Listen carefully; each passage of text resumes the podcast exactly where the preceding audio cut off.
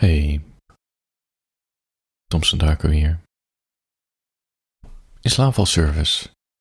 Ik laat daarom maar meer stilte vallen. Misschien val je al meteen in slaap. Voor je gaat slapen. Ik vraag me wel eens af of we de realiteit wel echt willen ervaren. Gewoon dat wat buiten ons ligt. Dat, ja, waar we eigenlijk heel weinig grip op hebben. Want alles wat je ziet is een interpretatie van jezelf. En we proberen wel via wetenschap en via kunst en via nieuws grip te krijgen op die wereld, op de feiten, op hoe, dingen werken.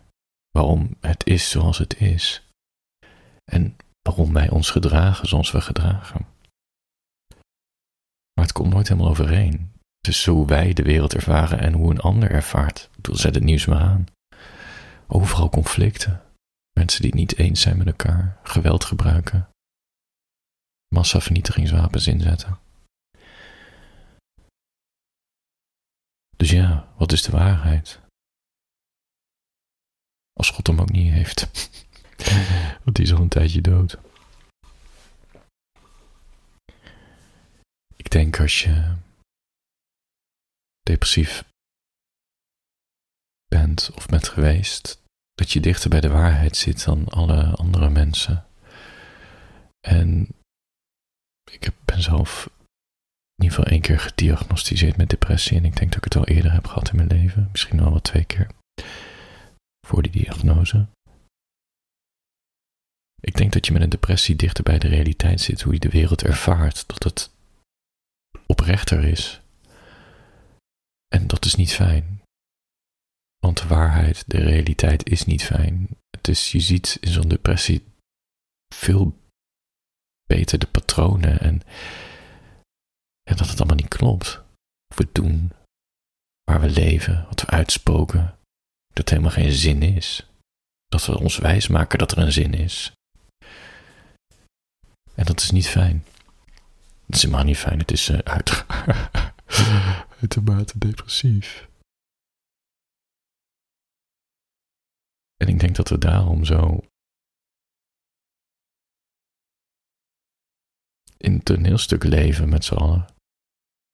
Omdat het de enige manier is om nog wat van je dag te maken. Je moet wel een hoop hebben en optimisme, anders ja, voelt het allemaal zo zinloos. Het is een beetje zoals Camus, die uh, in de mythe van Sisyphus over de Griekse mythe van de gast die als straf, of ik, weet niet meer zo goed wat de aanleiding is, elke dag een steen de berg op moet duwen. En dan valt hij aan het einde van de dag weer naar beneden en dan begint het weer opnieuw.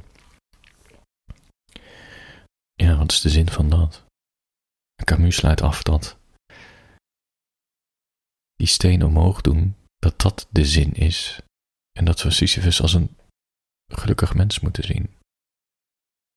Maar ja, als buitenstaander, eigenlijk als iemand met een soort depressieve bril op, zie je de realiteit en denk je, ja, je kan het je wel wijsmaken dat dat je zin is, maar waarom zou je elke dag een steen de berg opduwen, als die er toch weer afvalt?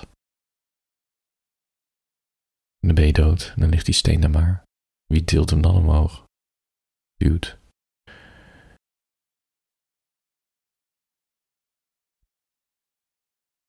Het is geen pretje om uh, in een depressie te zitten. Het is ook heel moeilijk uit te leggen.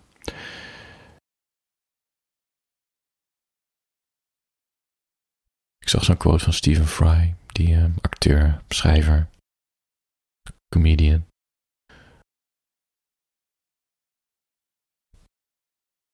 Die zei: Als je iemand kent met een depressie, hij is trouwens zelf manisch depressief.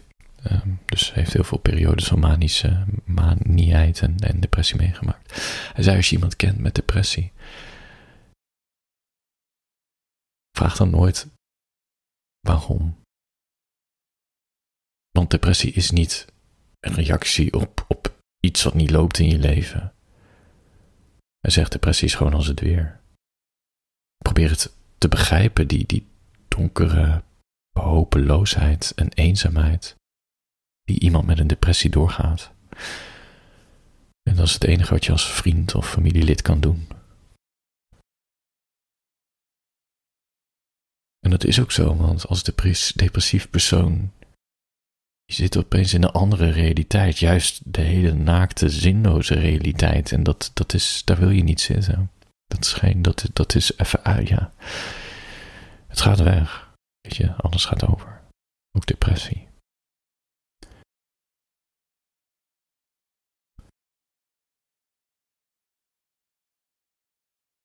Maar er zit ook een schoonheid in depressie. En dat is dat als je het gehad hebt en je geleerd hebt en misschien de, hoe je er niet per se over invloed op hebt, heb je tegelijkertijd ook weer wel. Of in ieder geval dat je de triggers beter door hebt, misschien. En, nou ja, depressie is ingewikkeld. Maar je neemt altijd een wijsheid mee uit die periode. En, en dat is eigenlijk dat je die, die hele rauwe, hopeloze realiteit dat er nog steeds dat je die meeneemt. En als je uit die depressie bent, dan heb je weer zin in dingen, in initiatief, en zie je weer schoonheid. Ook al is, zit er soms geen zin in schoonheid, maar schoonheid aan zich is al een reden om op te staan, om het te ervaren. Maar je draagt die, die rauwe waarheid toch met je mee. En ik denk dat het een fijnere manier is tussen een mix tussen optimisme, maar ook die ervaring van zwaarmoedigheid dat het nog steeds in je zit. En in die zin is het een vriend geworden. Want je kan opeens veel beter de zin en onzin scheiden. En je ziet ook veel beter dat je soms wel ergert aan iemand. Bijvoorbeeld ik aan hoe mensen heel oppervlakkig kunnen praten over zaken die er helemaal niet toe doen. Maar tegelijkertijd zie ik ook de schoonheid ervan in dat het voor hun wel heel zinvol is om te praten over zaken die er niet toe doen. En dat je sneller doorhebt wanneer iemand oppervlakkigheid faked en wanneer iemand het echt meent. En zonder dat het per se die persoon oppervlakkig maakt, maar dat je ziet van hé, hey, dit vindt die persoon blijkbaar heel belangrijk. En dat, dat maakt me dan heel compassievol, snap je? Niet veroordelend. Dat ik gewoon zie van hé, hey, die persoon heeft ook het beste met zichzelf voor. En die probeert er ook maar wat van te maken. En die probeert ook maar ergens een houvast in te vinden. En besteedt ook ergens heel veel gedachten en tijd aan en woorden aan. Om iets te verklaren of ergens over op te scheppen of iets. En dat is.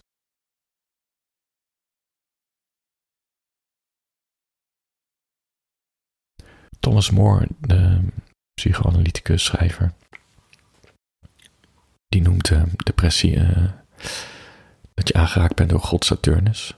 Uh, in de middeleeuwen zagen ze, het is een Romeinse god, Saturnus die is verantwoordelijk voor de oogst en, en de jaargetijden en de seizoenen en ouderdom en wijsheid. En dat gaat altijd gepaard met vergankelijkheid, dus met donkere gevoelens, dat alles voorbij gaat, dat je verandert. En hij zegt, als je in een hele donkere periode hebt gezeten, probeer dan Saturnus toch mee te nemen in, in de rest van je leven als vriend, want je bent nu, de, je kinderlijke naïviteit in de wereld is voorbij na depressie, het is gewoon over. En dat is ook deel van het leven. het is een manier van volwassen worden dat gepaard gaat met hele, ja, met gevoelens dat iets nooit meer terugkomt. Ja, dat is ook een, dat is de realiteit. Saturnus wordt ook wel de zwarte zon genoemd. Black Sun. Dat is natuurlijk een hele mooie beeldspraak, want de zon straalt nog steeds. Er zit alleen iets zwarts voor. En daarom denk ik dat dat er iets heel optimistisch zit in, in donkere gevoelens of in perioden van donkere gevoelens. Want die zon straalt nog steeds. Het is alleen wat zwarter.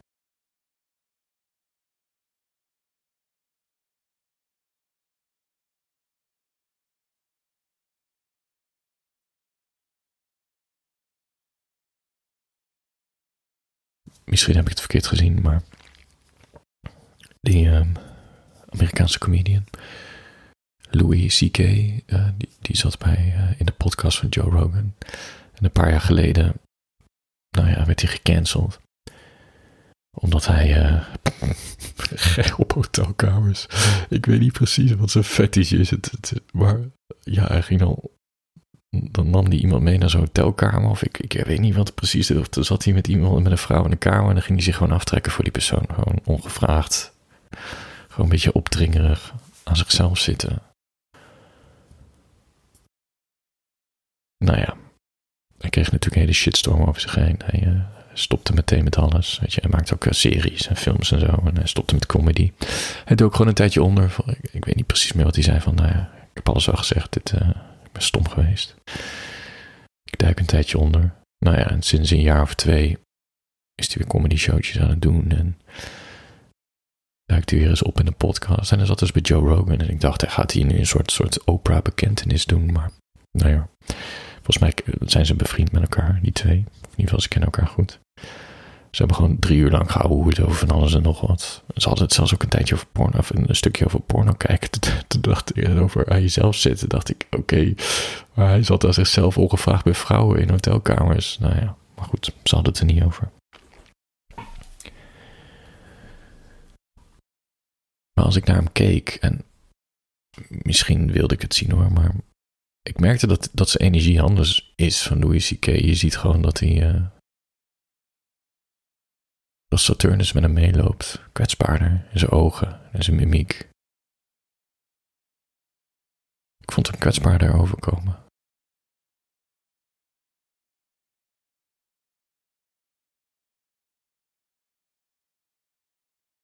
er gaat een andere energie vanuit mensen die uit een uh, zware periode zijn gekomen. Sommigen kunnen het heel goed camoufleren, of die willen het nooit meer ervaren, of die uh, willen er juist niet meer aan herinnerd worden. En sommige mensen die lijken er toch een of andere manier ook, ook rust of troost in gevonden te hebben. In ieder geval, zo komen ze over qua energie. Er zit een veel rustiger. Uh, er zit een soort zwaarmoedigheid overheen, zonder dat ze zwaarmoedig zijn, snap je? Ja, ik hou wel van die kwetsbaarheid. Van die energie omdat het gewoon wat dichter tegen die realiteit aan zit, zonder dat we heel nihilistisch moeten gaan worden. Dus het nihilisme is dat er nergens zin is en dat je net zo goed iedereen kan vermoorden, want er is toch geen zin.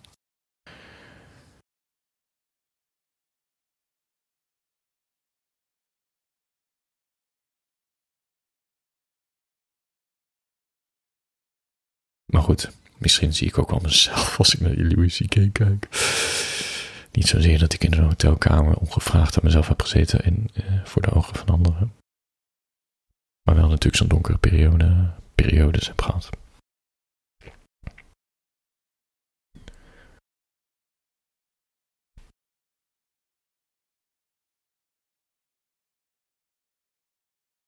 Voor je gaat slapen. Ik dacht, Ik heb, een heel, ik heb echt een mini-verhaaltje geschreven. Het is, een, verwerking van een tekst die ik al eens eerder heb gedeeld. Um, het heet de onomkeerbare momenten in het leven. Je denkt dat je weet hoe leegte voelt, tot je het voelt. Je denkt te weten hoe het zou zijn, tot het zo is. Gele herriestoppers in mijn oor om het gekakel van de mensen te negeren. Mijn vliegticket stak in mijn hand. Zelfs de tijd op de grote klok voelt anders aan. Wat valt er nog te doen op mijn telefoon? Bij welk boek kan ik mijn aandacht vasthouden? Het enige wat ik wil is vooruit in de tijd. Het enige wat ik kan is naar buiten staren. Hoog in de wolken heb ik het pas door. De wereld ervaar je op deze dagen niet zwart. De wereld antwoordt in grijstinten. Je wil geen afscheid nemen, want dan is het echt voorbij.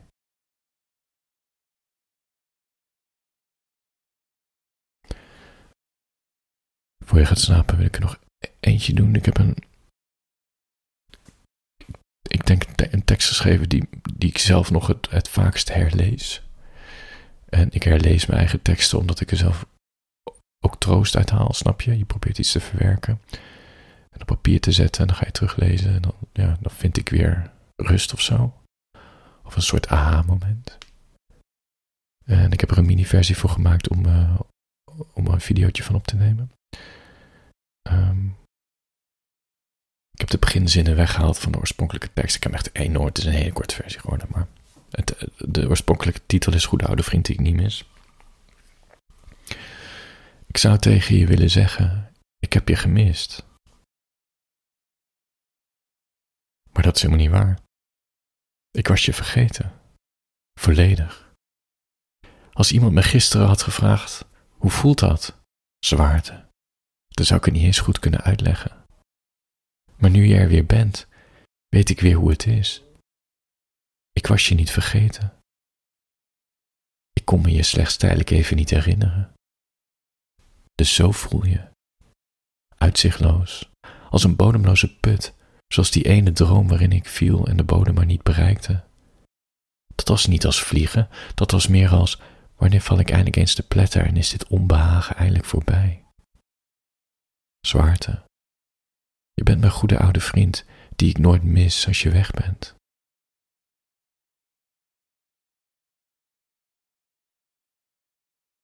Voor je gaat slapen, ik hoop niet dat je nu heel depressief bent geworden. En misschien ook wel, weet je. Zoals Thomas More ook zegt, we begrijpen zwaarte verkeerd en we proberen er altijd een optimistische, positieve spin aan te geven, maar dat betekent dat we, doordat je alles positief probeert uit te leggen en overal een zin probeert in te zien, weet je, zonder dit dan niet dat en in elke pijn, in elke pijn zit een les, drukken we die zwaarte weg. Maar zware gevoelens zijn net zo gelijkwaardig als, als fijne gevoelens. En het zijn een van de vele gevoelens die we ervaren. En we hoeven het niet te veroordelen, want het overkomt ons gewoon. En we hebben sowieso over onze gevoelens minder invloed dan we denken. Als je gewoon die gevoelens meeneemt als een goede oude vriend, ook al mis je die niet, dan tegelijkertijd, weet je, het zit toch in je. Ja, ik denk dat dat mijn punt uh, is die ik probeer te maken. In dit uh, in depressief bericht.